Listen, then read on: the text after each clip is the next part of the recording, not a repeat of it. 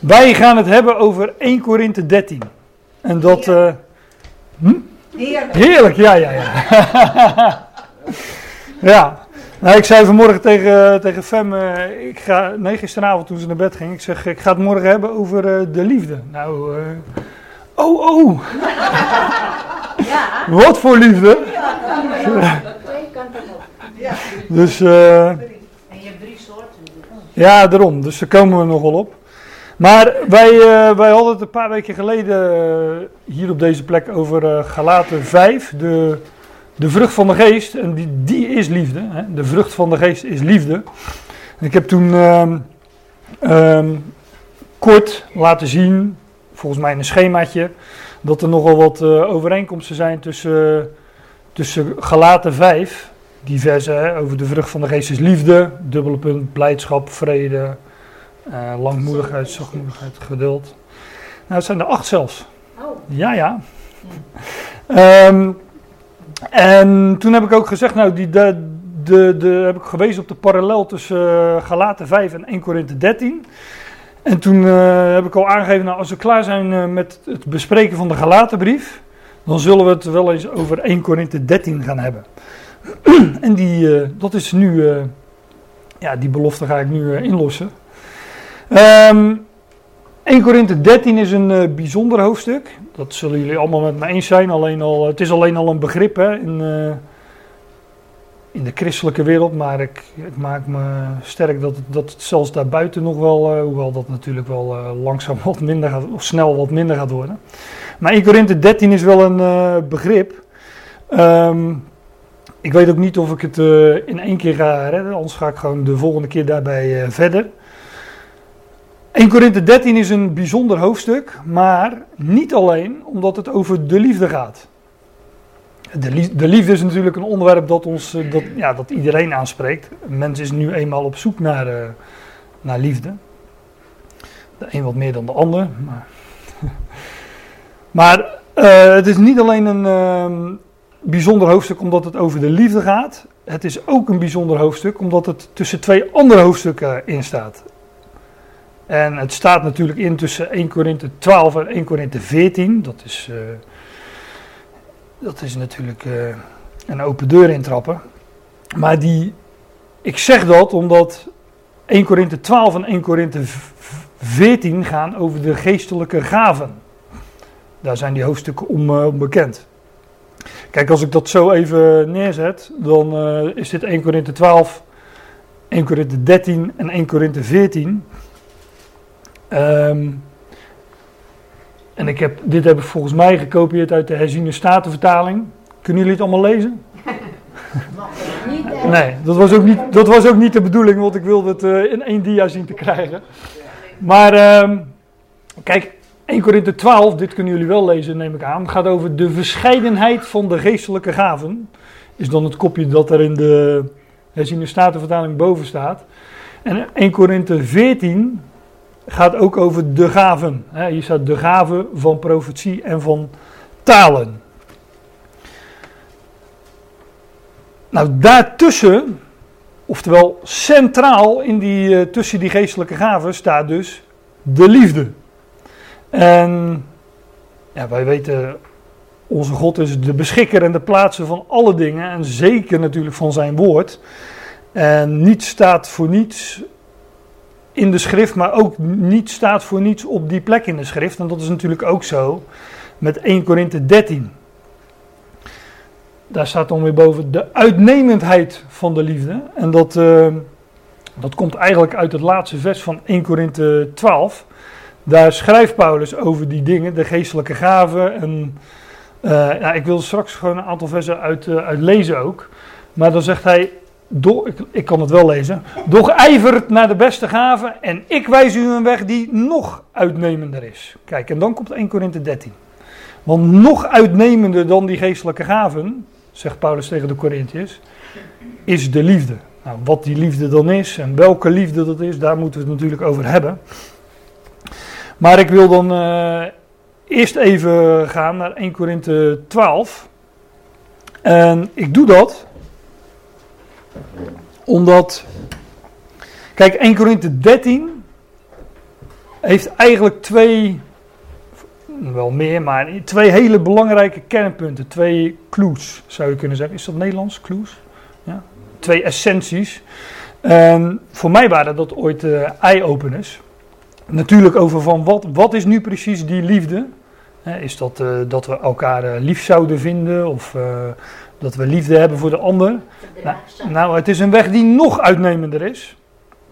Um, maar wat ook in 1 Korinthe 13 naar voren wordt gebracht, is dat het gaat over die geestelijke gaven. En Paulus plaatst dat in het perspectief van de tijdelijkheid van die geestelijke gaven. Die zouden ophouden. En hij legt ook uit in 1 Korinthe 13 wanneer die zouden ophouden. Daar geeft ook dit hoofdstuk, 1 Korinthe 13, ook nog andere schriftplaatsen, geeft daar een antwoord op. En dat was voor mij ooit een eye-opener. En ik heb het zelden, ik heb er heel vaak 1 Korinthe 13 over gehoord en wat er over geschreven wordt. Ik heb het zelden goed horen uitleggen. Want, uh, nou, dat, dat komt wel, daar hebben we het nogal over. Want we gaan eerst naar 1 Korinthe 12. Want ja, we gaan het ook over die geestelijke gaven hebben. Want daar gaat 1 Korinthe 13 ook over. En de tijdelijkheid van die geestelijke gaven. Hè, de, uh, hoe staat het? De profetie zou uh, niet gedaan worden. Tongen zouden verstommen. Uh, kennis zij zou ophouden. Maar wanneer dan? Speelt dat dan in onze tijd nog een rol? En zo ja, waarom? Of zo nee, waarom niet? Nou, dat, dat antwoord vinden we in dit hoofdstuk. Maar dan moet het wel eerst over die geestelijke gaven hebben. En ik was, ik was van plan om gewoon bij 1 Korinthe 13 vers 1 te beginnen. Maar toen dacht ik van ja, ik wil het toch wel graag uh, uh, goed uiteenzetten. En ook in het verband waarin het staat. Dus ik ga echt eerst naar 1 Korinthe 12 en ik ga niet het hele hoofdstuk lezen, maar wel een groot deel van het hoofdstuk. Dus daarom uh, zeg ik al, ik weet niet of ik deze keer, deze ochtend doorheen ga komen. Ik denk dat ik genoodzaakt ben de volgende zondag over twee weken verder te gaan. Maar dat is helemaal niet erg. We hebben, de tijd. Tenminste, zo, zolang de Heer ons de tijd geeft, hebben we de tijd. Dus uh, in, in, in 1 Korinthe 12 beschrijft Paulus. Hier staat dan de verscheidenheid van de geestelijke gaven. Maar hij beschrijft ook dat wij als ecclesia, als gemeente, of hoe je dat dan ook wil noemen, een lichaam zijn. En een lichaam is een eenheid. Hè, zoals jullie lichaam, mijn lichaam een eenheid is, maar wel met allemaal verschillende kenmerken. Ogen, oren, neus, mond, armen, handen, vingers, nou, noem het maar op. En die hebben allemaal verschillende functies. Nou, zegt Paulus, zo dat ook in het ene lichaam. Het is, weliswaar één lichaam, maar met verschillende delen of leden uh, en dus verschillende functies. 1 Korinthe 12, vers 1. En af en toe doe ik zo'n uh, tekentje met uh, haakjes en een paar puntjes tussen. Dat betekent dat ik een stukje oversla. Uh, en ik nodig jullie van harte uit om dat thuis allemaal nog eens na te lezen. Om echt het hele hoofdstuk te lezen. Ehm, want het is, het is een mooi hoofdstuk, maar ook bijzonder duidelijk. Om, om zijn simpelheid eigenlijk. Hoe Paulus, hoe simpel die de dingen hier in 1 Korinthe 12 uiteenzet. Wat dat lichaam is, met die verschillende leden. Uh, en verschillende functies. Nou, nu wat. Dit is overigens weer een. Uh, dus niet zien een statenvertaling, maar de vertaling van uh, geschriften. Nu wat betreft de geestelijke manifestaties. Vooral die, dat zijn die geestelijke gaven. Nu wat betreft de geestelijke manifestaties, broeders. Wil ik niet dat jullie onwetend zijn. Paulus legt uit wat dan die geestelijke gaven zijn. Er zijn toedelingen van genadegaven, maar het is dezelfde geest. Dat wijst ook weer. Hè? Het, is, het is verschillend. Genadegaven. Maar het is één en dezelfde geest die het geeft in, in dat ene lichaam. Er zijn toedelingen van bedieningen. Dat is dezelfde Heer. Er zijn toedelingen van inwerkingen, van krachten. Maar het is dezelfde God die alles in allen inwerkt.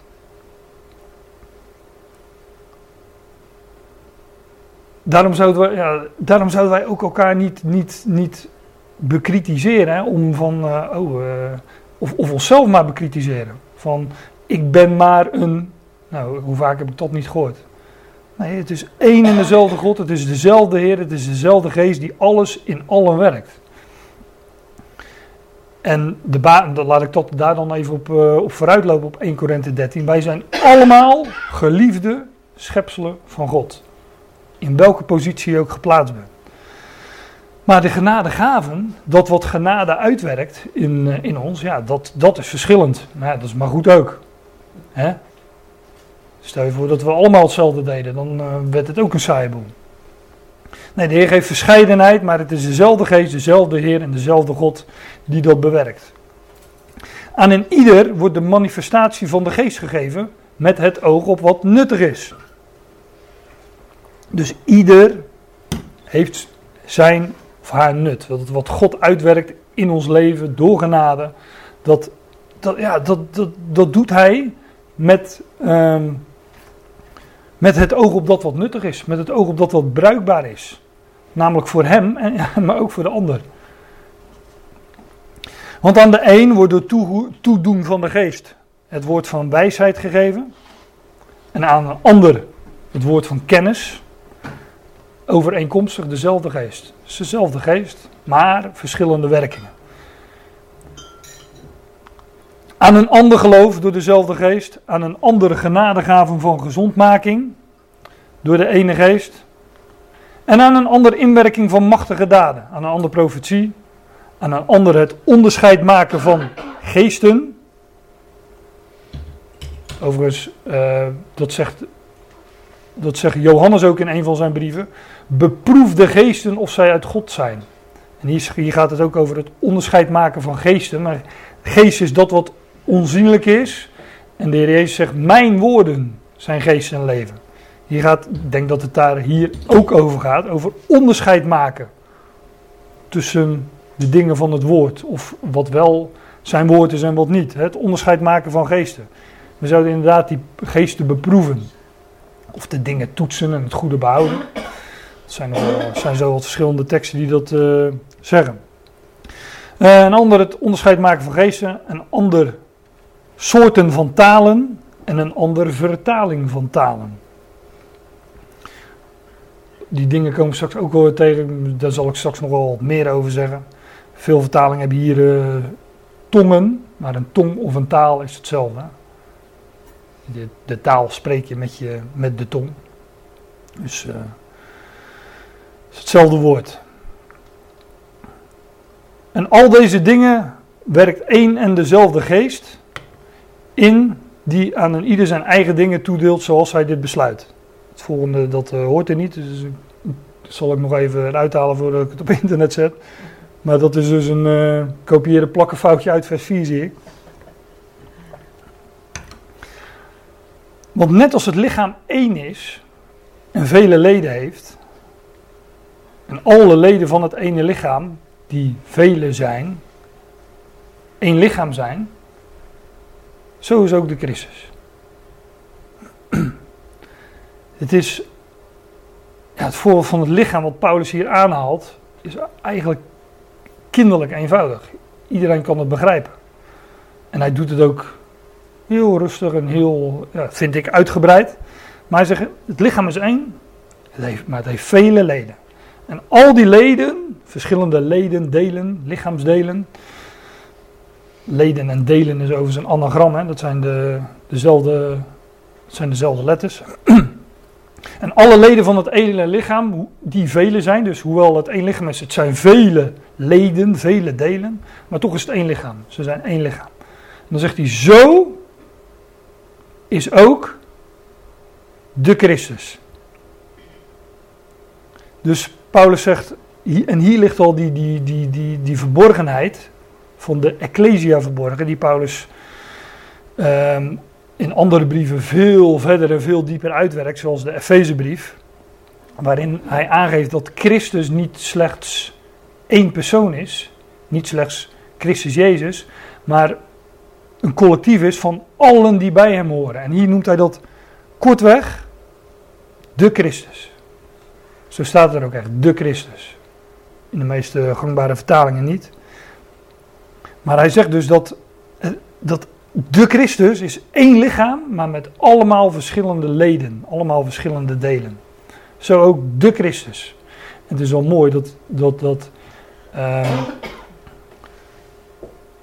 dat juist de Efezebrief en de Colossensebrief, die er onbekend staan om hoe Paulus daar deze waarheid eh, openbaart en aan het licht brengt. Maar, maar hij zegt het volgens mij nergens zo sterk en kort als hier. Juist in die Korinthebrief. Zo ook de Christus. Gaat hij verder in vers 14, want ook het lichaam is niet één lid, maar velen. In het, oh ja, dit is, ook, dit is ook leuk. Ik heb het net over kinderlijk eenvoudig, maar ook dit begrijpt een kind. In het geval dat de voet zou zeggen, aangezien ik niet een hand ben, ben ik niet van het lichaam. Is hij dan niet van het lichaam? en in het geval dat het oor zou zeggen, aangezien ik niet een oog ben, ben ik niet van het lichaam. Is hij dan niet van het lichaam? Indien het gehele lichaam een oog zou zijn, waar zou het gehoor zijn? Indien het geheel gehoor zou zijn, waar zou de reuk zijn? Maar nu plaatsen God de leden, elk van hen in het bijzonder, in het lichaam, zoals Hij het wil.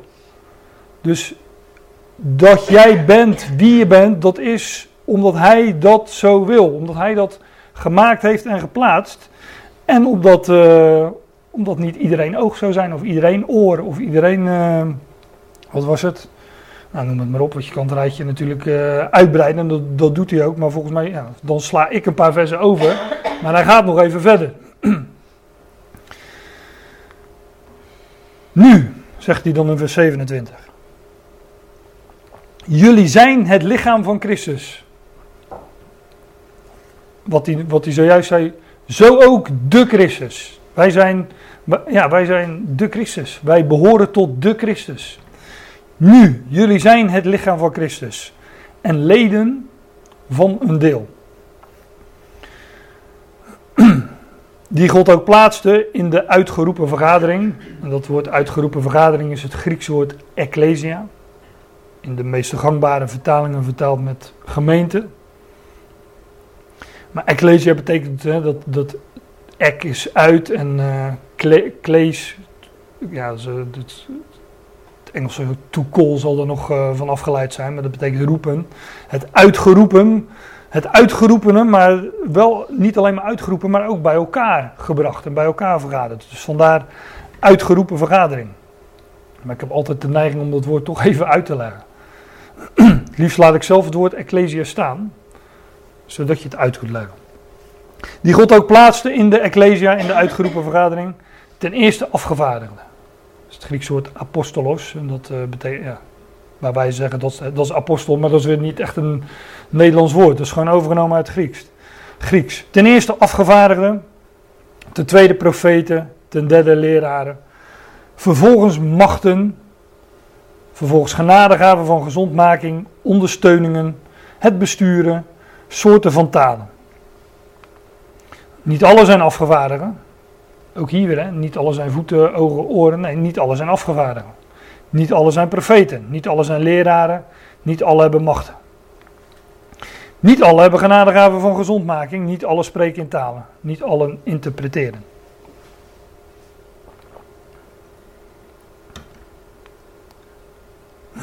Maar, zegt hij, wees hartstochtelijk toegewijd aan de grotere genadegaven.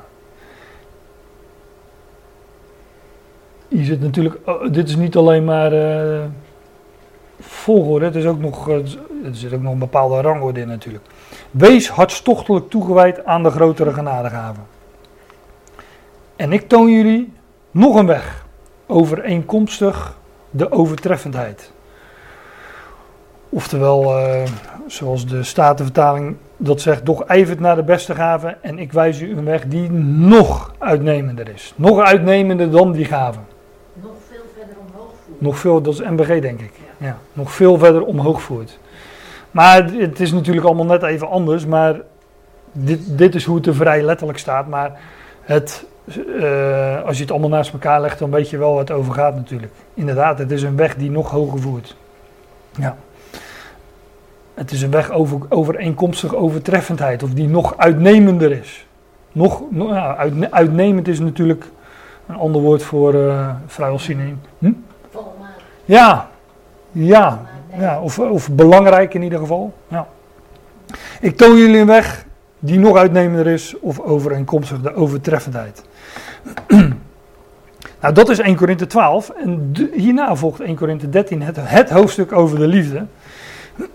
nou, 1 Korinthe 14 ga ik nu niet lezen. Misschien dat ik, eh, dat ik daar nog wel wat dingen uit aanhaal. Maar in 1 Korinthe 14, dat is dan het eh, huiswerk, mag ik dat zeggen? dat is dan, nou, dat, ik zou dat hoofdstuk thuis dan eens nalezen. Laat ik het, eh, laat ik het wat vriendelijker brengen. Ehm, maar in, in 1 Korinthe 14 zet Paulus die gaven in het juiste perspectief. Daar zegt hij, ehm, ehm, daar zegt hij bijvoorbeeld dat het, eh, het spreken in talen veel geringer is dan de gave van profetie. Maar de gave van het spreken in talen, dat was juist de gave waar die Corinthiërs zo hoog over opgaven.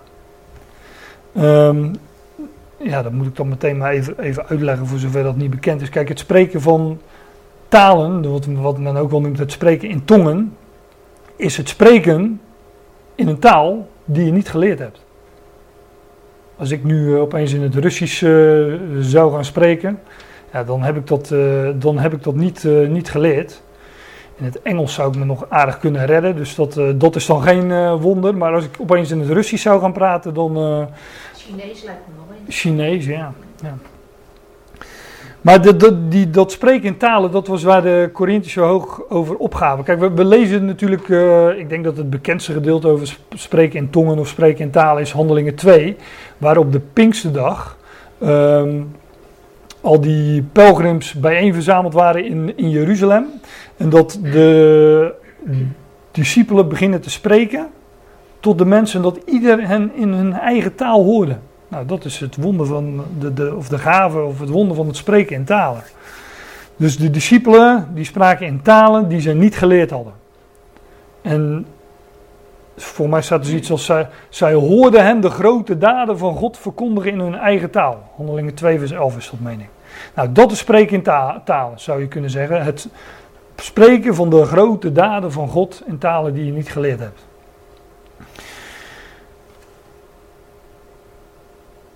Nou, dan gaan we naar 1 Korinthe 13. Dat doe ik dan even wat. eh, ja, dat doe ik dan even wat eh, vanuit de interlineair gewoon. Kijk, en en 1 Korinthe 13 gaat over de liefde. Dat is een, eh, ook een open deur. Maar het gaat ook over de ontwikkeling van het lichaam van Christus. Want daar gaan deze hoofdstukken over. Over nou ja, dat hebben we net gelezen. 1 Korinthe 12 gaat over het lichaam. Hè? De oren, de neus, de mond enzovoort. Het, het gaat over het lichaam van Christus. En het werk wat God in dat lichaam van Christus doet. En ik. Ik heb een. eh, wat, wat ook in 1 Korinthe 13 naar voren wordt gebracht, is dat dat lichaam zich ontwikkelt zoals dat normaal is bij hoe een lichaam zich ontwikkelt. Hè, nou, het is jammer dat Fem naar boven is. Jullie zijn allemaal volwassenen. Maar daar zat net een meisje van negen. Ja, dat zie je. Dat het, eh, nou ja, je zou ze ook acht of tien kunnen schatten. Maar je weet in ieder geval, eh, dat is nog geen volwassene. Nou, Jens die gaat al een beetje meer eh, richting eh, puberteit. En over drie jaar zit daar gewoon een, eh, ja, wat is het? Ja, een kerel. Dan wordt het echt een kerel. Maar toch is het dan nu niet echt een kerel. Ik hoop niet dat hij dit... Maar dat zit er dan aan te komen. En we weten allemaal dat dat het proces is wat een lichaam ondergaat. En 1 Korinthe 13, maar, en 1 Korinthe 12 geeft daar de aanloop naartoe, geeft, beschrijft de ontwikkeling van het lichaam van Christus. Dat wordt in deze hoofdstukken beschreven. En hoe het lichaam van Christus ontwikkeld wordt, zich ontwikkelt van kind, wordt daar echt genoemd de kinderlijke fase. Toen ik een kind was, sprak ik als een kind, was ik, eh, dacht ik als een kind, handelde ik als een kind. Zoiets staat er in 1 Korinthe 13. Degene die hoofdstuk kennen, die denken van, oh ja, klopt. Eh, maar van kind tot volwassen man. Tot volwassene. En, de vertaling, de, daar in 1 Korinthe 13 wordt het woord volmaakt genoemd.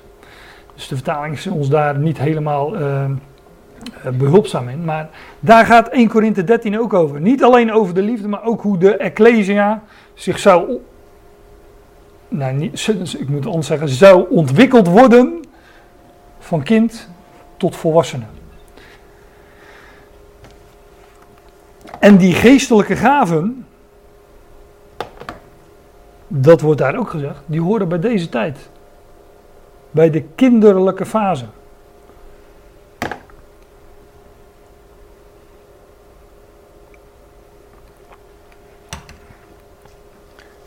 Geest, dat spreken als een kind, in 1 Korinthe 13, dat gaat over het spreken in tongen, het, het, het, het, uitspreken van profetieën, de gave van kennis, dat is allemaal spreken als een kind. Het zijn allemaal maar van Gods woord. Fragmentarisch. Degene die staatvertaling hebben, ten dele. Het is allemaal ten dele. Stukje hier, stukje daar, stukje zus, stukje zo. Maar niet volmaakt, niet compleet. En het is de dit, kijk, net, net als bij. Um, net, als dat, net als dat het normaal is dat een kind een kind is en opgroeit. Zo, was het bij, zo zegt Paulus, zo is het bij de uh, zo is deze fase van de Ecclesia ook een fase die God zo bepaald heeft. Wij moeten allemaal door die fase als kind, en dat is, dat is goed. En uh, als, zolang je kind bent, is het normaal dat je spreekt als een kind en overlegt als een kind. maar op een gegeven moment heb je die dingen van het kind, van het kindschap afgelegd. En ben je volwassene geworden. Nou, daar gaat het ook over in, uh, in 1 Korinthe 13. En ik meen dat dat maar zelden zo gezien en zo gelezen wordt. Dus nogmaals, een, het is normaal om een kind te zijn en te overleggen als een kind, maar wanneer je een volwassene bent, heb je, heb je dat kindschap afgelegd. En waar dat volwassene over gaat, ik, ja, ik loop wel op de muziek vooruit, maar dat ga ik allemaal nog wel laten zien. Um, is het niet nu, dan is het wel de volgende keer.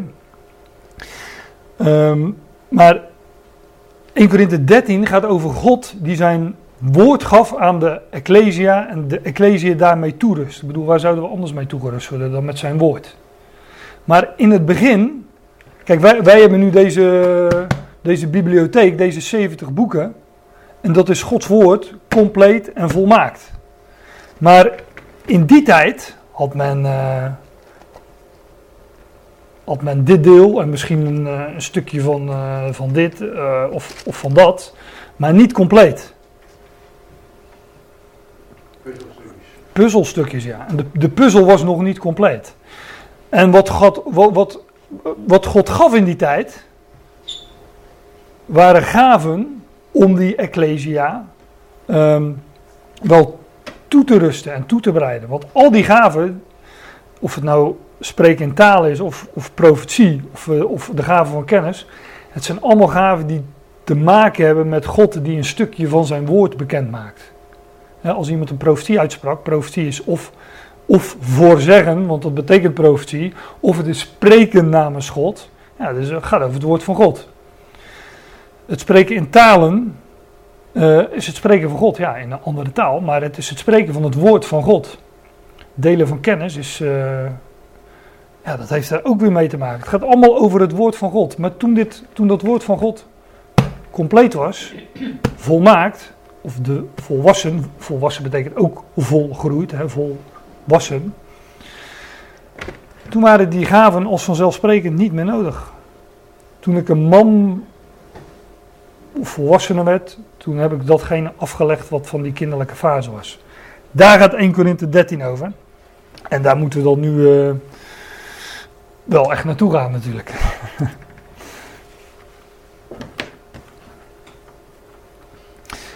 In het geval dat ik zou spreken in de talen van de mensen en van de boodschappers, van de engelen, het Griekse woord agalon, dat is ons woord engel, wat dus ook eigenlijk geen Nederlands is, maar dat, dat betekent gewoon een boodschapper. In het geval dat ik zou spreken in de talen van mensen en van de boodschappers en ik heb de liefde niet, dan ben ik een weergalmende koperen gong geworden of een schelklinkende symbaal. Eerst moeten we het hebben over die liefde natuurlijk. Hè? Want uh, Er zijn in het, in, in, in het Grieks, het Grieks waarin de, de Bijbel is opgetekend, het Nieuwe Testament, zijn een, een aantal woorden voor, ehm, voor liefde. Ik, heb het idee dat ik dat eerder heb gezegd, maar ik heb de laatste tijd zoveel persoonlijke gesprekken met dit, eh, met, over dit onderwerp gehad met mensen dat ik niet weet of het on the record of off the record was. Maar ehm, dat maakt niet uit. In, in het Grieks heb je drie woorden voor liefde. Misschien wel meer, maar ik ken er drie. En dat is eros, philo of filio en agape. Eros, dat, nou laat ik beginnen met, met filio. Philo of philo, ik ken er nog van Philadelphia. Uh, philo, dat is dat de eigenschappen in een ander die, die je aanspreken. Ik, uh, ik heb het daar met, met kinderen ook over gehad. Ja, die, dit, ook dit is uh, kinderlijk eenvoudig. Als ik tegen Jens zeg van ja, waarom vind jij uh, je vriend Elmer uh, een toffe gozer? Nou, dan is het ja, omdat hij, hij houdt ook van Fortnite.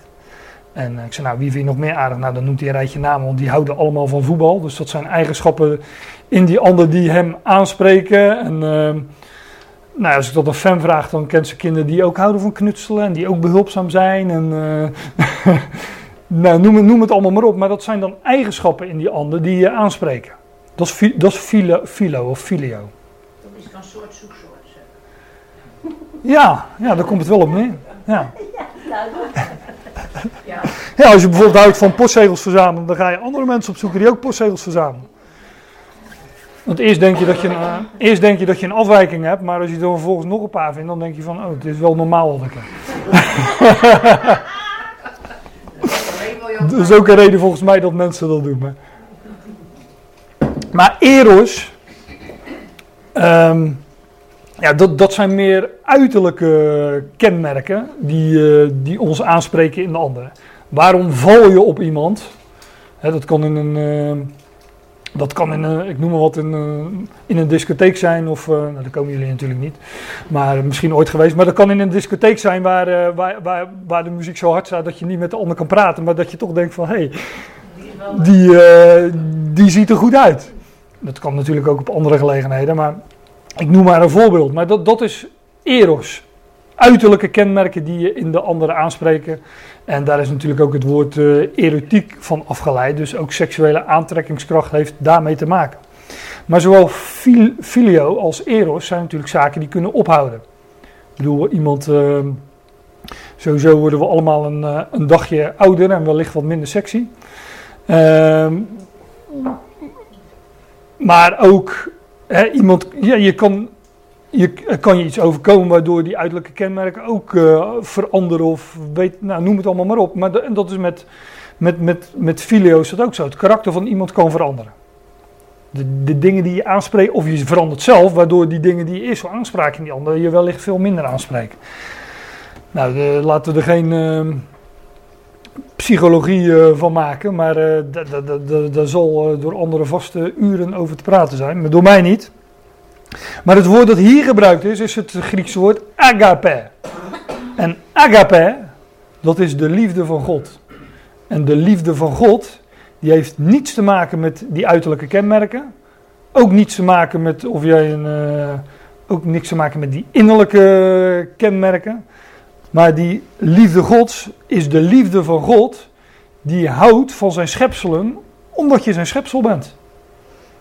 En of je dan een vinger, een oog, een mond of een hand bent, of wat dan ook, dat doet er niet toe.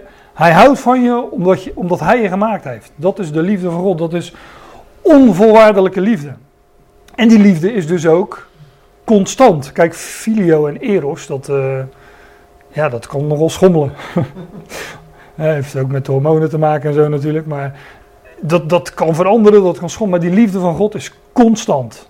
En onvoorwaardelijk. Er zitten geen voorwaarden aan. Dat, dat betekent dus ook dat als ik dingen niet goed doe, dat niks verandert aan die liefde van God. Die wordt daar niet minder door. En als ik, zo, als ik dingen goed doe, dan verandert dat ook niks aan de liefde van God. Die blijft constant. Die houdt van mij en houdt van jou, houdt van u, omdat, je, omdat hij je gemaakt heeft.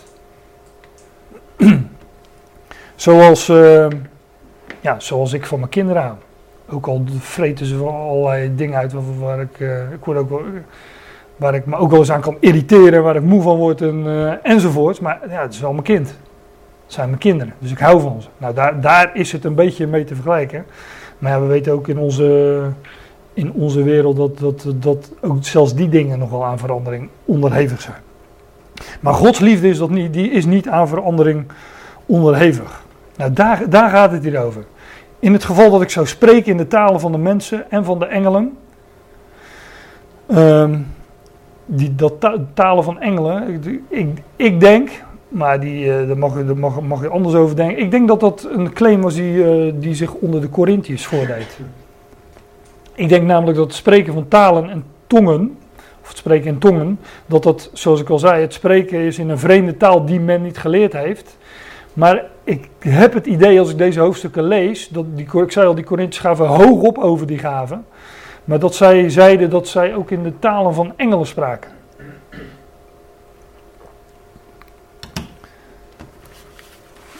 Dus die geef ik mee voor wat het waard is. In het geval dat ik zou spreken in talen van mensen en van engelen, van boodschappers, en ik heb de liefde niet, dan ben ik een weergalmende kopergong geworden of een schelklinkende symbaal, oftewel een valse noot. Een valse toon, een valse noot. Maar dan, is, dan stelt dat allemaal niets voor. Als ik de liefde van God niet heb, niet ken, dan, eh, dan is het niets.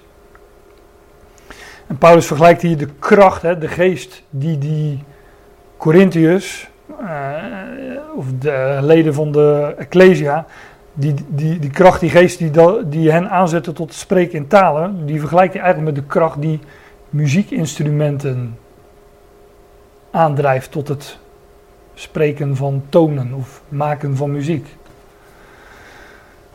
En spreken in talen zonder de liefde is een valse noot. En God bouwde dus in zijn, in zijn liefde bouwde God, eh, bouwde en bouwt God die Ecclesia. Maar de, de Corinthiërs, daar gaan deze hoofdstukken ook over, de Corinthiërs gebruikten die gaven op een verkeerde manier. Niet tot opbouw van de ander, maar tot, eh, tot het stichten van, nou ja, dat is ook nog maar de vraag. In ieder geval het opblazen van zichzelf. Van kijk mij nou eens, eh, kijk mij nou eens in tongen spreken bijvoorbeeld. Of ik ben, eh, ik ben, ik spreek toch maar in tongen. Ik spreek toch maar in talen. Maar hoe kun je plat gaan op iets wat je maar van hem ontvangen hebt uit, uit genade? Dat is wat, wat Paulus in, eh, in deze hoofdstukken naar. En ook doe je dat zonder dat je de liefde hebt, nou dan st- stelt het helemaal niets voor. Al zou ik profetische gaven hebben en alle geheimen, alle geheimenissen, alle verborgenheden weten, alle kennis hebben, al het geloof, zodat ik bergen zou kunnen verplaatsen. Ik heb de liefde niet, dan ben ik niets. Nou, dit is nogal een eh, imponerende beschrijving wat hij hier naar voren brengt. En zeker uit de mond van Paulus. Hè, kijk, profetische gaven, dat zei ik al, dat gaat over voorzeggen. Hè, profetie, pro is voor, en profetie is dus voorzeggen. Maar ook het spreken namens God. Ehm, en als ik alle geheimenissen zou weten, alle verborgenheden, alle geheimen. En Paulus was degene aan wie die geheimen, aan wie, die verborgenheden bekend waren gemaakt. Dus hij wist waarover hij het had. Als ik alle kennis zou hebben. En al het geloof. Elke keer dat woordje al. Hè? Al het geloof zodat ik bergen zou kunnen verplaatsen. En ik heb de liefde niet, dan ben ik niets. Overigens gaat het in de evangelie ook over. eh, al jullie maar het geloof als een mosterdzaadje. Zouden jullie tot deze berg zeggen. Wordt in de zee geworpen. Daar zit natuurlijk ook nog een. eh, typologische betekenis achter. Hè? Want een berg is een, is een koninkrijk. En dat koninkrijk zou inderdaad in de zee terechtkomen. Namelijk onder de volkeren. De volkerenzee. Maar al had ik al het geloof zodat ik bergen zou kunnen verplaatsen. Ik heb de liefde niet. Dan ben ik niets. Nou, die geheimenissen die kennen we van Paulus. Kennis, dat zijn eigenlijk eh, de gaven van kennis. Zijn directe openbaringen van God waarin, eh, waarin God iets bekend maakt. Komen we ook wel in de schrift tegen. Bij, eh, nou, onder andere bij, bij bepaalde profeten. Dat God zei, ga, ga daar naartoe en daar vind je die en die. En, nou, dat zijn eh, vergelijkbare dingen. Al het geloof, maar zonder de liefde van God is het niet, zegt Paulus. In het geval dat ik al mijn bezittingen, als een, als een hapje staat hier, als een hapje zou weggeven. En in het geval dat ik mijn lichaam zou overleveren, opdat ik zou roemen en ik heb de liefde niet, dan zal ik in niets gebaat worden. Hoe staat dat in de Statenvertaling? Al waren dat ik al mijn goederen tot onderhoud der armen uitdeelde. Hoe staat het in de MBG, uh, Leni? Maar net dat ik, eh, dat ik al wat ik heb tot spijs Ah, ja. Al waren dat ik mijn lichaam had om ja. Dus in ieder geval dat je je bezittingen weggeeft. Jij, daar staat een hap. Ja, een hapje. Nou, spijs. Nou ja, het gaat niet. eh ja, een hapje heeft ook met eten te maken. Levensonderhoud. Levensonderhoud. Ja. Maar in ieder geval, eh, in, in, in die voorgaande versen ging het over eh, het hebben van alle gaven. En hier gaat het over, eh, ja, hoe noem je dat? Liefdadigheid of eh, opofferingsgezindheid. In het geval dat ik al mijn bezittingen als een hapje zou weggeven, of als voedsel, of als mijn bezittingen zou weggeven, in het geval dat ik mijn lichaam zou overleveren, dat ik zou roemen. Een grotere opofferingsgezindheid kan je je niet voorstellen. En ik, en ik heb de liefde niet, dan zal ik in niets gebaat worden. Het is natuurlijk uit, uitzonderlijk wat hier genoemd wordt, maar Paulus zegt ja, dat bewijst, dat bewijst nog steeds, dat, dat bewijst nog steeds niet, niets.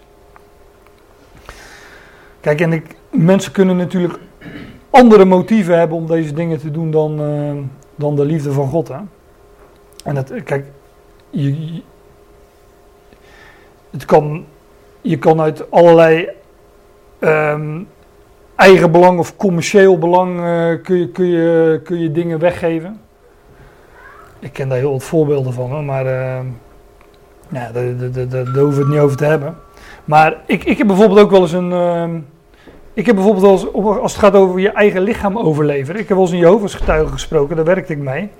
Ehm, toen ging het over die, die bloedtransfusies, wat bij hen eh, een eh, no-go is. Dat, dat, dat, dat, is dat is verboden. Dat, eh, ehm, en ik zei van ja, maar stel je nou voor dat jij in het, in het ziekenhuis komt ehm, je staat op het punt om, eh, om te sterven. Maar je kan gered worden met een paar liter bloed. Zou, zou, je dat dan echt niet doen? Hij zei: Nee, dat zou ik niet doen. Want eh, als, ik, als ik dat niet doe, dan heb ik misschien het paradijs verdiend. Zei. Dat ben ik nooit meer vergeten. En het is echt al heel lang geleden. Maar ja, is dan je motief de liefde van God? Nee, dan is je motief eigen belang. Want hij wilde graag het paradijs verdienen, want hij dacht dat te kunnen verdienen, blijkbaar. Dus dat is zo'n voorbeeld van eigen belang. eh, en, en daarmee je lichaam eh, overleveren om te sterven. Nou ja, kijk, ehm, als het gaat om, ehm, om wat, wat, wat, wat in de wereld gezien wordt als goed, hè, als, als, als goede daden. Daar zou ik echt heel wat voorbeelden van kunnen noemen. Bijvoorbeeld uit het bedrijfsleven van bedrijven of artiesten die zeg maar goede dingen doen. Maar dat doen ze echt uit meestal toch wel, in ieder geval gedeeltelijk uit commercieel belang. Want het verkoopt ook gewoon goed. En het is, eh, hoe noem je dat? Het kweekt goodwill en eh, nou ja, allerlei termen zijn daarvoor.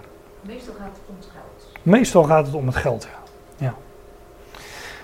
Ehm, nou ja, al die dingen. Uitzonderlijk gedrag, maar als je de liefde niet hebt, zegt Paulus, dan, eh, dan zal ik in niets gebaat worden. Ik eh, denk dat het tijd is om even koffie te gaan drinken. Want eh, in het volgende vers gaan we verder met de liefde is. We gaan verder. Bij eh, vers 4, en dan komen de trouwteksten, zei iemand. dat is ook wel waar. Liefde is. Het is niet alleen een trouwtekst natuurlijk, dat, daar heb je ook van die? Handtegels. wandtegeltjes. Liefde is. Nou, vul het maar in. Ja, Loesje inderdaad. Liefde is. De liefde is geduldig. De liefde is vriendelijk. De liefde is niet jaloers. De liefde schept niet op. Zij is niet opgeblazen. Kijk, wat hier eh, natuurlijk gebeurt is ook dat die liefde wordt, ge, dat noemen ze een personificatie, meen ik. Maar die wordt gepersonificeerd. Dat wil zeggen, de liefde wordt hier voorgesteld als een persoon. De liefde is geduldig, de liefde is vriendelijk, de liefde is niet jaloers, schept niet op en zij is niet opgeblazen. Maar ten diepste is die, uh, is die persoon natuurlijk ook, uh, is God zelf. Want, lezen we in uh, bijvoorbeeld 1 Johannes 4, wie niet lief heeft, kent God niet, want God is liefde. Dus zijn wezen, Gods wezen, Gods, Gods kenmerk, Gods eigenschap. Nou, kenmerken van eigenschappen, dat, dat, dat gaat nog wat minder. Maar zijn wezen is liefde. Hij is liefde. God is liefde en die in de liefde blijft, blijft in God en God blijft in hem. Het zijn echt van die Johannes. Uh, de, de manier van uitdrukken is echt van Johannes. Het gaat mij ook even niet om wat hij daar omheen uh, uh, zegt. Maar, maar, maar, Johannes zegt: God, God is liefde. Dus God, God zijn wezen, God zijn persoon is liefde. Um, in de Galatenbrief, daar waren we dus een paar weken terug, daar, daar, staat, maar de vrucht van de geest is liefde. Maar de geest is ook Gods geest die in ons werkt. Gods kracht, Gods geest die in ons woont, zijn geest in ons en uh, in ons zijn uitwerking heeft. Nou, de vrucht van die geest is liefde, maar dat kan niet anders, want het is Gods geest en God is liefde, zegt Johannes. Ja, en dan volgen die anderen natuurlijk vreugde, vrede, geduld, vriendelijkheid, goedheid, geloof, zachtmoedigheid, zelfbeheersing. Heb je ze meegeteld? Dat het er acht zijn? Ja, maar de vrucht van de. Ja, u was er niet toen we het daarover hebben gehad. Ga ik ook nu, nu niet uitgebreid herhalen, maar er staat de vrucht, enkelvoud, van de geest is liefde. En toen hebben we het erover gehad dat die liefde bestaat uit, dubbele punt, vrede, vreugde, vrede, geduld, vriendelijkheid, goedheid, geloof, zachtmoedigheid, zelfbeheersing. Dus die, de kenmerken, de aspecten van die liefde, ja, die uiten zich in die eigenschappen, in die acht eigenschappen. Dat is ook niet voor niets dat het er acht zijn, maar uh, ook daar hebben we het volgens mij over gehad. Maar de vrucht van de geest is liefde. Want God is liefde. Nou, dan komen in, uh, in Korinthe 13, hebben we het ook. Ja, de liefde is geduldig. Maar je zou net zo goed kunnen lezen: God is geduldig.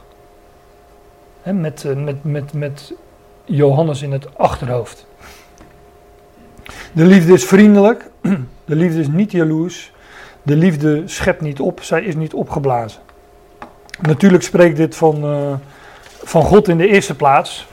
Maar wanneer zijn, hij zijn geest, zijn kracht, zijn, zijn, zijn woord en zijn liefde in ons uitwerkt, ja, dan, uh, dan, dan heeft dat deze uitwerking. De liefde is geduldig, de liefde is vriendelijk, de liefde is niet jaloers, de liefde schept niet op, zij is niet opgeblazen.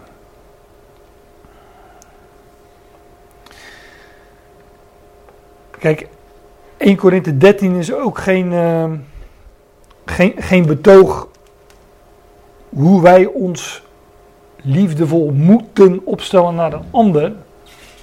Het is een. Het, het, het, 1 Korinthe 13 wijst ons op wie, wie, wie God is. En, wat zijn liefde bewerkt. En hoe, hoe God is. God is geduldig, God is vriendelijk, God is niet jaloers, uh, niet opgeblazen enzovoorts. En um, daar hebben we toen ook over gehad, toen we het over de vrucht van de geest hadden. Die, die eigenschappen waar, waar, waarin liefde zich toont, die zijn altijd gericht op de ander. Ben je ongeduldig, ben je ongeduldig met de ander. nou ben je jaloers, hè, dan heeft dat ook weer met de ander te maken. Maar de, liefde, de liefde is niet jaloers, de liefde schept niet op, enzovoorts. Zij is niet onfatsoenlijk, zij zoekt zichzelf niet, zij wordt niet geprikkeld, zij rekent het kwade niet toe. Zij verheugt zich niet over de onrechtvaardigheid, maar zij verheugt zich samen met de waarheid. Zij houdt alles uit, zij gelooft alles, zij hoopt alles, zij verduurt alles. Ja, dan ga ik even, even terug, wat, uh, wat langzamer uh, en nog doorheen. Nee, nog één terug. De liefde is geduldig. Nou, dat, zei ik al, God is geduldig. Go- God heeft de tijd en neemt de tijd. Daar hadden het in de pauze nog, eh, nog even over. En eh, zij is goede tieren. Hè, staat er in andere vertalingen. Liefde is vriendelijk, goede tieren. Mild, zeggen ze andere vertalingen weer. Dit woord komt ook, dat van vriendelijk, dat komt overigens ook van, eh, dat, dat stond in de studiebijbel. Dus de stam van dat woord komt van bruikbaar of nuttig. God geeft dat wat nuttig is. Nou, daar, zijn wij, zijn wij het wellicht niet altijd mee eens, maar hij overziet de dingen. Hij is de plaatser, hij is de beschikker. En in zijn liefde geeft hij dat wat nodig is. Nou, dat is, de liefde is geduldig, de liefde is vriendelijk. En dan komen er, ehm, dan komt er, meen ik, acht keer een niet. De liefde is niet jaloers. De liefde schept niet op en zij is niet opgeblazen. jaloers zijn, dat kan, dat kan overigens positief en negatief zijn, maar je kunt jaloers zijn op iemand die, bijvoorbeeld als iemand, als je zegt van nou, die, ik ken iemand die heeft zoveel vrede. Hè, dat, dat wil ik ook, dat zou ik ook wel eh, willen. Hè. Dan, dan begeer je het goede. Maar jaloers is natuurlijk ook de ander iets misgunnen. Dus iemand heeft iets en eh, ja, je misgunt die ander dat. Nou, de liefde is niet jaloers. De liefde schept niet op. Hè, je- is je stellen boven de ander. Opschep, je doet er een schepje op. en zij is niet opgeblazen. Nou, dat, dat, dat woord opgeblazen komen in de Korinthebrief eh, brieven nogal eens tegen. Jezelf groter voordoen dan, je, nou, dan de ander, maar ook dan, je, dan, dan je zelf bent. Gebakken lucht noemen wij dat. Maar die, die, Paulus zei gewoon tegen de Corinthiërs, ja, jullie zijn opgeblazen. Zij bliezen zich op. Van kijk, kijk mij nou. En, en ook nog eens met die, wat, wat Paulus dan noemt, genadegaven, hè? charismata. Dus de, geestelijke gaven. Daarmee bliezen zij zich op. Zij gebruikten dat eh, dus om zichzelf op te blazen, in plaats dat het gericht was op de ander. Nou, zegt Paulus, dat is geen liefde. Zij is niet opgeblazen, zij is niet onfatsoenlijk. Niet geeft dus weer het contrast aan. Eh, onfatsoenlijk, dat wat niet past. De ander onwaardig, dus dat heeft ook weer met de ander te maken. Nou, zij zoekt zichzelf niet, dus zoekt zij de ander. Hè. Overigens kun je die, die eigenschappen die je hier vindt, al- al- als het gaat om jezelf niet zoeken, dat, dat kun je ook alleen maar als je, weet wie je, als je wel weet wie je zelf bent. Hè? Als je jezelf kent in het licht van Gods woord, eh, ook de plek erkent die God je gegeven hebt, als geliefd schepsel van God, of je nou, hè, wat ik, waar we het in 1 Corinthië 12 over hadden, of je nou het oog bent, of het oor, of de teen, of eh, de hand. God heeft je daar in die positie geplaatst. En als je dat erkent, dan kun je ook, kun je ook zo naar de ander kijken. Dan moet je dus ook, eh, hoe zeg je dat? Vrede, met- nou ja, vrede met jezelf hebben, maar wanneer je weet dat je, wij gerechtvaardigd zijn uit geloof hebben vrede met God, zegt Paulus in Romeinen 5. Nou, als je dat kent dan heb je, dan, en je dus ook vrede hebt met wie je bent en hoe hij je gemaakt heeft, dan, eh, dan, ook dan kun je gericht zijn op de ander. De liefde zoekt zichzelf niet. Eigenlijk heb je dan alleen maar een probleem met jezelf. Nee. Wanneer? Met je, dat je eigenlijk niet jaloers hoeft te zijn. Jij zegt dat het met de ander te maken. Ja, dat is gericht op de ander. Ja. Ja. ja. Maar ten diepste is het een probleem met je eigen identiteit. eh, ja, ja, dat is wel, dat is wel goed gezegd. Ja. Ja. Als je je eigen identiteit niet kent en daar vrede mee hebt, dan, eh, dan, dan krijg je al dat, eh, ja, wat Paulus noemt, eh, de werken van het vlees. Maar, maar inderdaad, wanneer je je eigen identiteit kent, als van God geliefd en in de positie geplaatst die God je geeft, ja, dan eh, als je dat probleem niet meer hebt, dan, eh, Dan ben je heel eind. ja, dan ben je heel eind, ja. Ja, Maar God is toch ook eh, jaloers? Nou niet in de zin van de ander iets misgunnen. Hij wordt weet wel met zijn eigen volk toen ze andere goden achterna liepen. Toen Ja. was ook, eh, De- Hoe staat dat in de, in, eh, een naijverig, naijverig. God, ja. ja, ja, ja. Naijverig. In die zin, ja. dat is wat oud-Nederlands, ja. Maar in die zin dus wel, ja. ja. Maar dan, eh, ik weet niet, eh, dan zouden we echt, eh, ik, ik weet niet of dat, of dat schriftgedeelte ook aangehaald wordt in het Nieuwe, Nieuwe Testament. Maar dan zouden we het eh, ene woord naast het andere woord moeten leggen en de, daar de verschillen in moeten zien. Maar in de zin van eh, zijn schepselen iets misgunnen, hè? de liefde is niet jaloers, ja, dan, is God niet jaloers. Maar wanneer zijn volk andere goden achterna loopt, dan is hij menselijk gesproken wel eh naijverig.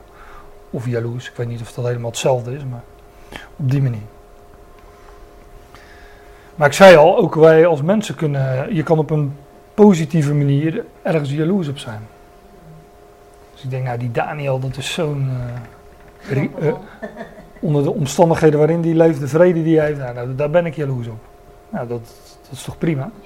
Dat je, dat je iemand ook als voorbeeld neemt. Ik bedoel, wij, wij hebben er ook mensen, wij kunnen daar in, eh, de Paulus geeft ze zelf aan, in, mag ik niet zeggen dat het Paulus is, maar in Hebreeën 11. Die geloofshelden, hè, die, die galerij van gelovigen. Ja, dat noemt hij ook, eh, dat zijn ook voorbeelden. Nou, zo hebben wij ook voorbeelden in onze omgeving, denk ik. Ik heb ze wel in ieder geval. Toch zouden we tevreden moeten zijn met hoe God jou eh, Ja, gemaakt Ja. en plaatst. Ja, dat bedoel Maar ik. dat Ja. is een hele andere lading dan ja dat is een andere lading. Ja. niet gunnen. Ja, Dat is ja. een hele, hele andere... ja, dat is een andere lading dan de ander iets misgunnen. Ja. Ehm, waar was ik? Ze zoekt zichzelf niet. Hè. Ze- zij wordt niet geprikkeld. Geprikkeld, de Statenvertaling heeft die verbitterd. Dus dat, eh, je, je wordt ver, verbitterd als je ja, te hoge verwachtingen van anderen hebt. Hè. Afgunstig. En dat het afgunstig is. Ja. Ja, als je al die, andere, al die verschillende vertalingen naast elkaar gaat leggen, dan eh, heb je allemaal verschillende woorden. Eh, zij rekent het kwade niet toe. In, ehm, kijk, God rekent natuurlijk ook het kwaad niet toe. Maar ehm, in vers 7 staat in de Statenvertaling, zij liefde bedekt alle dingen. Daar komen we dan straks nog op. Wij zeggen ook wel liefde maakt blind. Wanneer wij, eh, dat is wat verliefdheid ook is. Hè? Als je, dat is natuurlijk ook een, eh, een, verliefdheid is ook een versie van liefde. Ehm, maar nou, dat is algemeen bekend. Mensen die verliefd zijn, die zien heel veel niet. Die zien die, die verkeerde eigenschappen in de ander nog niet. Als de vlindertjes vertrokken zijn, ja, dan, dan wordt het toch anders. Maar dat, eh, dat heeft er natuurlijk ook mee te maken. Hè. De love is blindness, liefde maakt blind. Maar ehm, de liefde bedekt alle dingen, staat er eh, in eh, vers 7. Nou ja, dus ook het kwaad wordt daarmee bedekt. Maar dus, ik denk dat het er ook nog mee te maken heeft dat, dat liefde er niet Hm? Nee, ik denk ook dat je gewoon de mantel der liefde. De mantel der liefde, ja, dat is er ook nog eentje. Dat is ook Iets anders inderdaad als. iets bedekken met de mantel der liefde. Dat is ook het bedekken van. eh. Maar ik denk dat er ook nog mee wordt bedoeld dat, dat eh, liefde niet per definitie uitgaat van het kwaad in de ander. Zij rekent het kwade niet. Of het kwade niet toe. Achterdocht noemen wij dat wel. Zij verheugt zich niet over de onrechtvaardigheid. God is liefde, dus hij verheugt zich niet over onrecht. Daarom zet hij ook al het onrecht recht. Eh, maar zij verheugt zich samen met de waarheid. Ze verheugt zich in de waarheid. Ja, daarom zet hij alles recht. En wanneer zijn, wanneer zijn geest in ons woont, wanneer zijn liefde, zijn geest, zijn woord, zijn, zijn, zijn, zijn, zijn genade in ons woont, dan worden wij ook veranderd in ons denken en dan ver- verheugen wij ons ook in die waarheid. Ja, daarom komen we ook bij elkaar rondom zijn woord, omdat we ons verheugen in de waarheid, of samen met de waarheid. Zij houdt alles uit. Ook dit is overigens dat vers wat eh, in de Statenvertaling wordt vertaald met eh, zij bedekt alle dingen. Of bedekt alles, zegt de MBG geloof ik. Maar het is ook iets uithouden, hè, iets verdragen. Elders wordt het ook vertaald met ergens van afzien. Als je weet wie je bent en als je, dan, dan, dan kun je ook van dingen afzien. Omdat, dat, omdat, ja, omdat je weet dat dat is beter. Dat is voor de ander beter. Zij houdt alles uit. Zij gelooft alles. Zij hoopt alles. Zij verduurt alles. Kijk, als het gaat om God, hij, hij, hij, hij verduurt alles. Hè? Deze, ja, deze, het lijden van de tegenwoordige wereld, dat, dat, dat verduurt hij. En wij, eh, ja, wij, wij kunnen dat met hem eh, verduren. Maar zij hoopt alles, hè? De, de verwachting. God, God weet hoe de dingen gaan lopen en dat, hij, dat maakt hij ons bekend in zijn woord. En daarom eh, hebben wij die verwachting ook. Hij weet dat het gebeurt, dus ja, hij hoopt alles. Hij gelooft alles. De liefde gelooft alles. De liefde ver- vervalt nooit. Nou, dit is misschien het mooiste zinsdeel uit het hele hoofdstuk. Vind ik dan. Love never fails. De liefde, de liefde vervalt nooit of eh, het staat vertaan, de liefde vergaat nimmer meer. De liefde vergaat nooit. De liefde vervalt nooit. En dat never fails in het Engels, dat heeft ook weer met vallen te maken. Hè? To fail, vallen. Dus die liefde die vergaat nooit, die, blij, die blijft.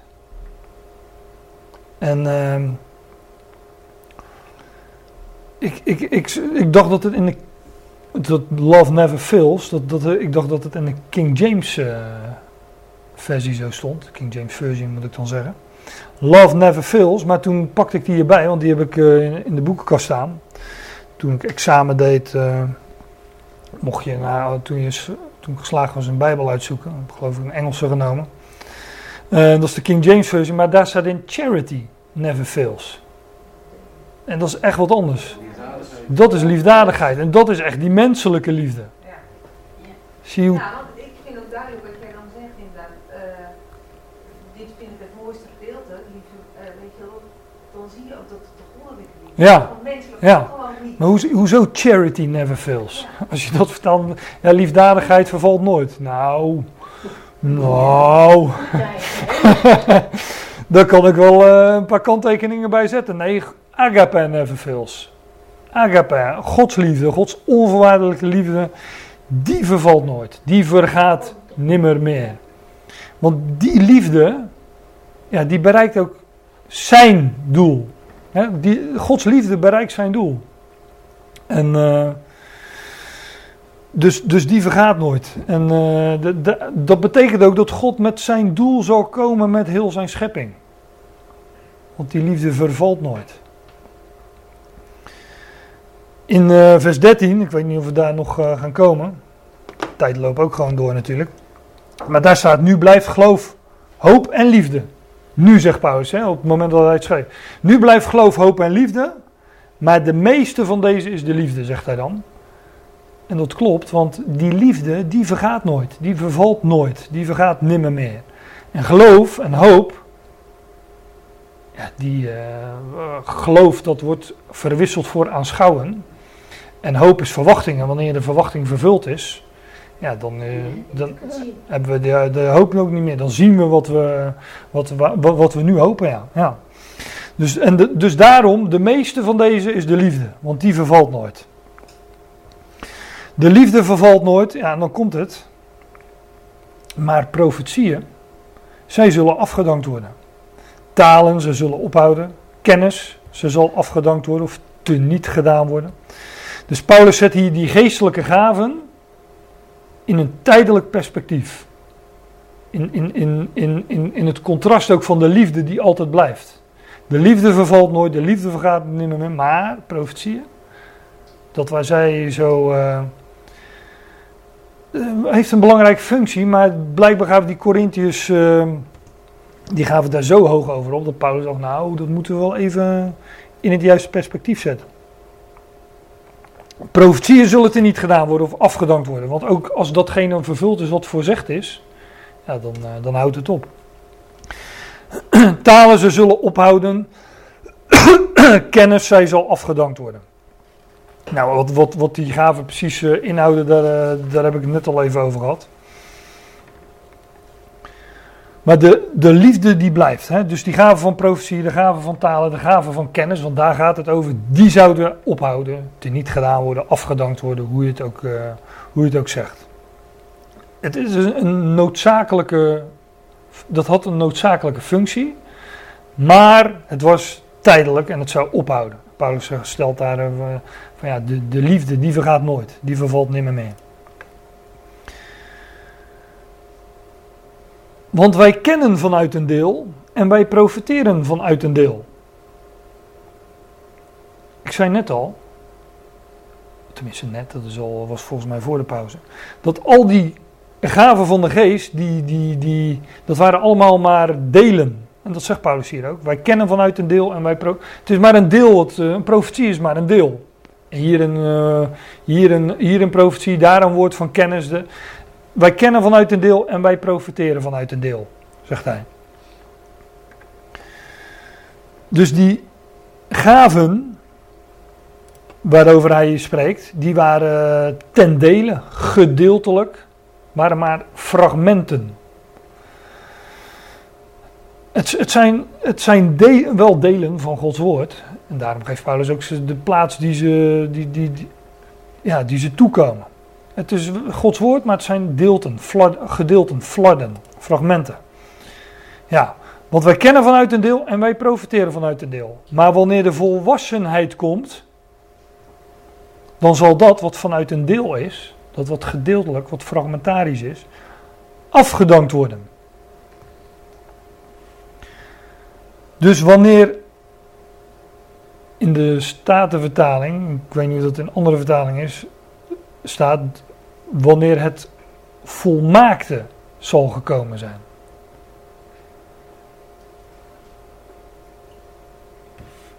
Maar dit woord, even kijken of ik daar, eh, ja, daar heb ik een aantekening van, dus daar kom ik zo op. Ehm, ik, ik liet net dat, dat plaatje zien van die eh, kind en steeds groter totdat het een volwassen is. Paulus zegt nou, wanneer die volwassenheid komt, dan zal dat wat ten dele is, wat tot die kinderlijke fase behoort, dat zal afgedankt worden. Het gaat, het gaat hier over de woorden Gods die geopenbaard werden door profetie, door talen, door kennis. Maar Paulus zegt, als, als, dat, als de, het volgroeide is gekomen, het volwassene, het volmaakte, dan zal dat wat ten dele is, dat wat fragmentarisch is, dus die profetieën, die kennis, die talen, dat zal dan afgedankt worden. Dat is niet meer nodig. Wat is nou dat, eh, wat is nu dat volmaakte? Ik heb het eigenlijk al gezegd. Maar eh, dit woord volwassenheid, dat, eh, dat komen we nog een paar keer tegen. Ehm, laat ik het even houden bij. ehm, oh, dat is dan. Nee, dan moet ik dan even anders doen. Laat ik het dan even houden bij de Korinthebrief. Dus het, ehm, hetzelfde woord. Teleo. Broeders, word toch geen kleine jongens in het gezin zijn of in het verstand. Wees geen kinderen in het verstand, zullen andere vertalingen wel hebben. Wees onmondig in de kwaadaardigheid, maar word volwassen in het gezin zijn. We kunnen even kijken hoe andere vertalingen dat hebben. Word in het verstand volwassen, zegt de MBG. Staat de vertaling ook. Word in het verstand volwassen. Dus dat woord spreekt echt van volwassenheid. En dat zie je hier ook in de tegenstelling in die versen. Eh, Ook hier wordt, het, wordt volwassenheid tegenover het kind gezet. De onmondige. Ehm, ik had er nog een. Oh, ja. Beetje rare volgorde, maar dat is dan 1 Korinthe 2, vers 6. Ja, daar zou ik het vooraan er ook nog bij moeten betrekken. Daar heeft Paulus het ook over, ehm,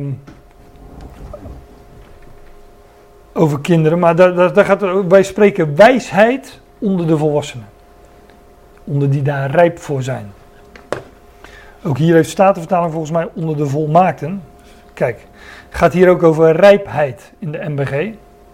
Dat is niet helemaal, helemaal eh, letterlijk vertaald.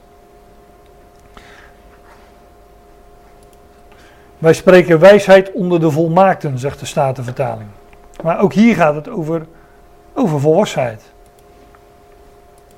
Nou, terug naar 1 Korinthe 13. Zijn jullie er nog? Ja. Ja. Ik wel, ja. Dus wanneer de volwassenheid komt, en houd het plaatje in gedachten van, van, van het kind dat opgroeit tot een volwassene. Wanneer de volwassenheid komt, dan zal dat wat vanuit een deel is afgedankt worden.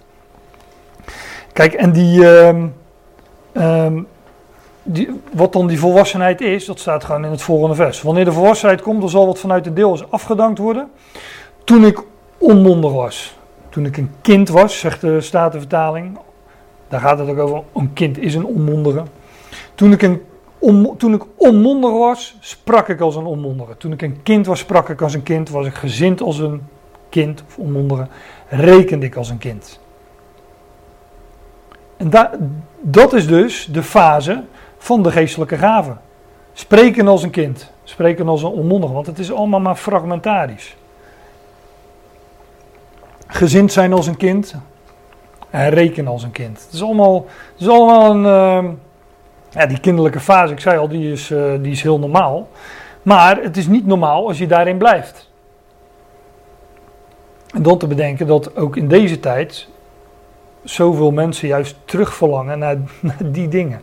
Naar die, naar, het, naar die geestelijke gaven. Het spreken in, eh, in tongen. Ik heb, ik heb mensen gekend die zich daar echt naar uitstrekten. Die wilden zo graag in tongen spreken. En denk van nou, dan moet je deze hoofdstukjes goed doorlezen. Want Paulus plaatst het toch wel even in een, eh, in een perspectief van... eh, er zijn belangrijke dingen, om het even zwak uit te drukken.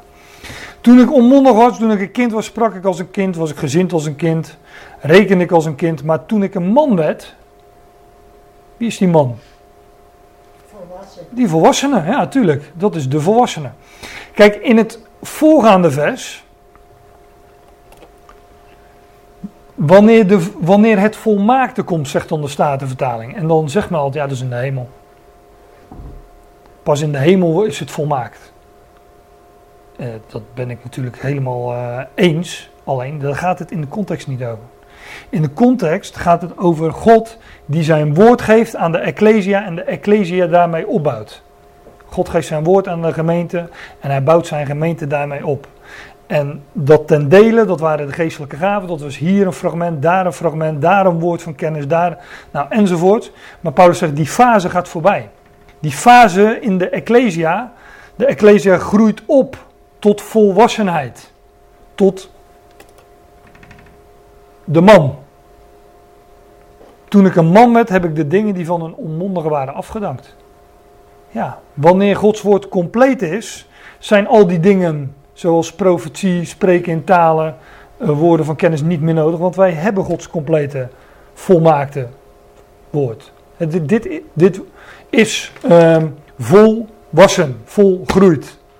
Toen was dat nog niet, maar God heeft, ehm, ja, dat is, dat is weer een verhaal apart, maar de apostelen zelf hebben deze bibliotheek gecompleteerd en de geschriften bij elkaar gebracht. En toen kwam de Ecclesia in een volwassen fase. De fase van de man, zoals die hier genoemd werd, geword. Dus dan ehm, is dat wat van een kind is, dat wat ten dele is, dat wat niet volwassen, volgroeid is, dat is dan afgedankt. Teniet gedaan.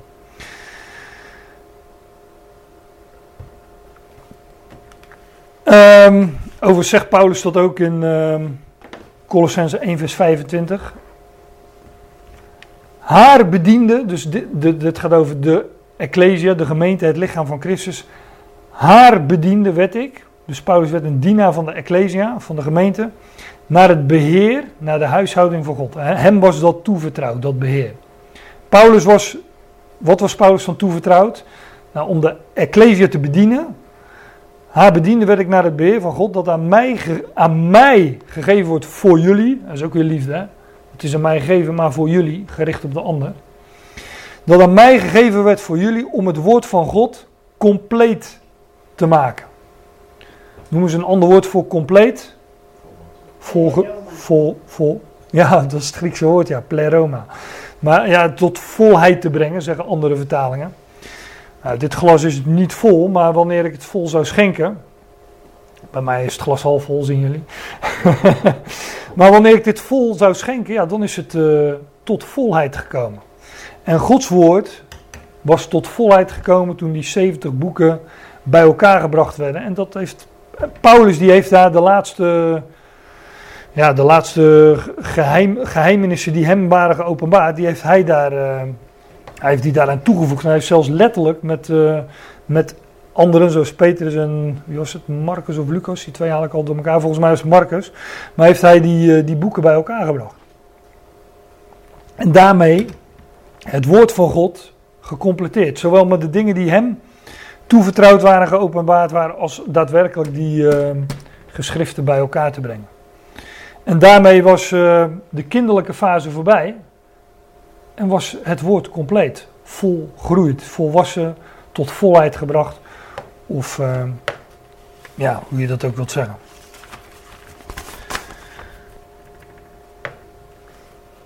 Toen ik een kind was of een onmondige, sprak ik als een onmondige, was ik gezind als een onmondige, reken ik als een onmondige. Maar toen ik man werd, heb ik de dingen die van een onmondige waren afgedankt.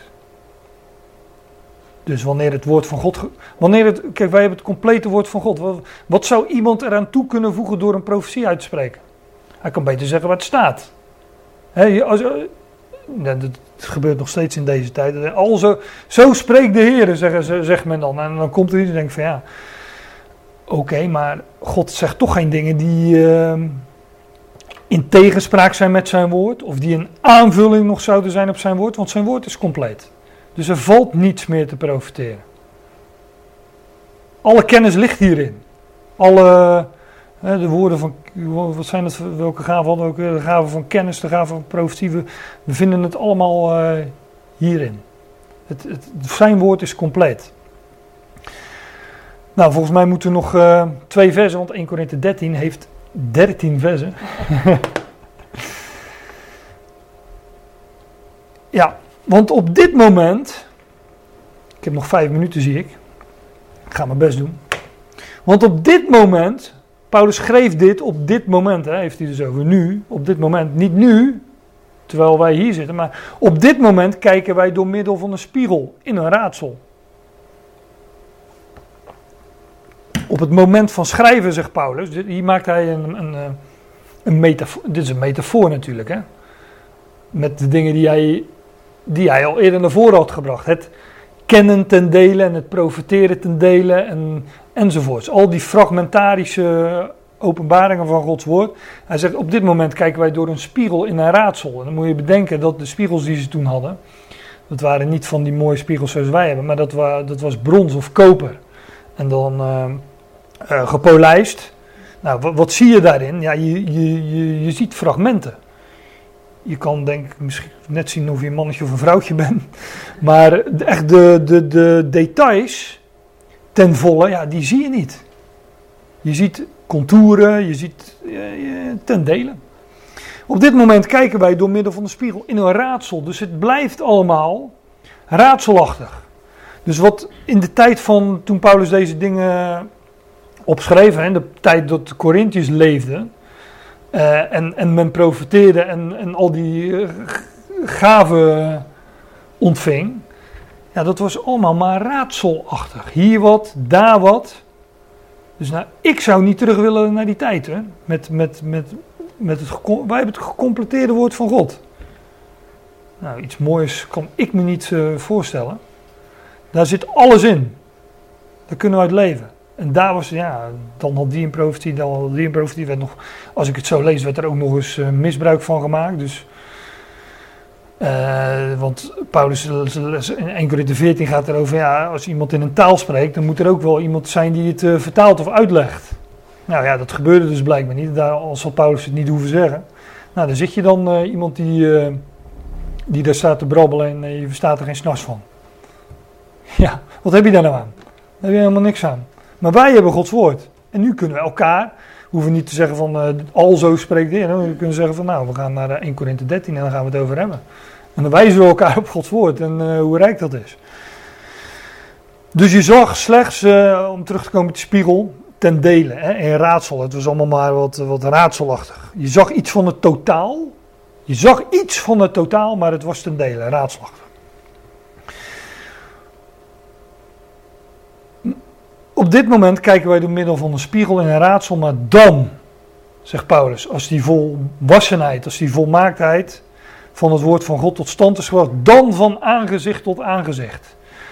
Dan zullen wij hem, ehm, ja, werkelijk, dan zal, staat er dan, maar dan zal ik herkennen zoals ik, ook ik word herkend. Er zou dus een moment komen, die volwassen fase, wanneer de Ecclesia dus niet meer die, in die raadselachtige spiegel zou kijken, maar van aange... Het wordt vergeleken met het kijken in zo'n raadselachtige spiegel. Tot een, er wordt vergeleken met een ontmoeting die men had van aangezicht tot aangezicht. Het gaat hier ook niet over het moment dat wij de Heer van aangezicht tot aangezicht zien, want dat wordt er vaak van gemaakt, maar het staat hier niet.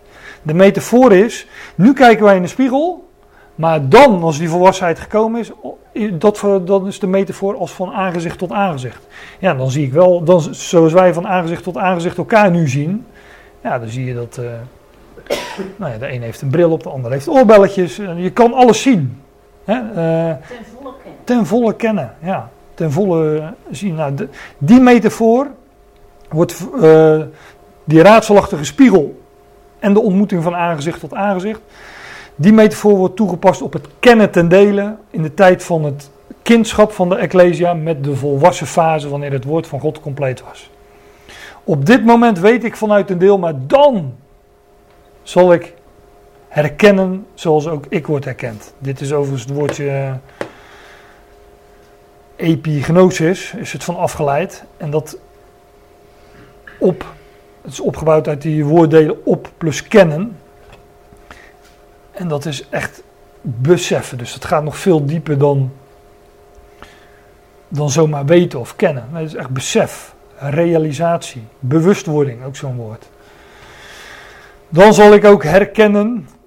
Ongetwijfeld heeft de vertaler het woordje herkennen eh, gekozen omdat het over die spiegel gaat. Maar, en het van aangezicht tot aangezicht. Maar ik vind het besef ook, dan zal ik ook beseffen zoals ik word ja, beseft. Dat we God zien, hm? zoals hij is. Ja, ja, dat we God werkelijk zien zo, zoals hij is. Dat daar, ja. een keertje dood. En dan En- en- maar ze- weer net als Jezus de opstaan in het leven. En zo ziet hij ons ook natuurlijk. Hij, hij ziet ons werkelijk hoe wij zijn en hoe we zullen zijn. Nou, dat leren, we ook, dat leren wij vanuit het woord. Dus daarom zou, zullen wij eh, hem, zal, dan zal ik herkennen zoals ik ook, ook ik word herkend. Dan zal dus ook alles wat verborgen is, zal dan eh, geopenbaard zijn. Hè? Dat, eh, die fase. Nou, daar leven wij in. Wij hebben het gecompleteerde woord van, eh, van God, waarin alle, alle dingen die tot dan toe verborgen waren, geopenbaard zijn. Paulus maakt die verborgenheden bekend. En nu blijven geloof, hoop, liefde. Deze drie. Maar de grootste van deze is de liefde. Nu zegt Paulus, nu blijven geloof, hoop en liefde. Maar de grootste van deze is, eh, is de liefde. Eh, ja, ik, ik, heb, ik heb het eigenlijk al gezegd, maar ik heb nog die schriftplaats ook in een, eh, in een diaatje gezet. Kijk, wij wandelen door geloof en niet door waarneming of aanschouwen, zegt eh 2 Korinthe 5 vers 7. Dus Paulus zegt, nu blijven geloof, hoop en liefde. Maar de meeste van deze is de liefde, want die liefde die zou nooit vervallen, nooit vergaan. Dus geloof, inderdaad, ja, dat, eh, dat houdt op. Als wij eh, geloof verwisseld hebben voor aanschouwen, dan, eh, ja, dan, dan is het geloof ook, hoe zeg je dat, vervuld. En over de hoop wordt iets soortgelijks gezegd. Want in hoop werden wij gered, in hoop werden wij zalig, zegt de Statenvertaling. Maar hoop die gezien wordt, is geen hoop. Dus wanneer wij de hoop dus wel zien, is de hoop ook ja, teniet gedaan. Mag ik dat zo zeggen? Ja, geloof het wel. Maar jullie weten in ieder geval wat, ik bedoel. Want waarom zal iemand hopen op wat hij ziet? Nou, blijven die drie alle. Blijven die drie alle in de hemel? Nee, dus. Die blijven niet alle in de hemel. Dan, eh, dan vervallen dus inderdaad geloof, hoop. En, eh, maar de meeste van deze is de liefde. Want die vervalt nooit. En daarom is de liefde de grootste. Nou, daar wil ik het maar bij gaan laten, want eh, volgens mij. eh, ben ik een beetje over mijn tijd heen.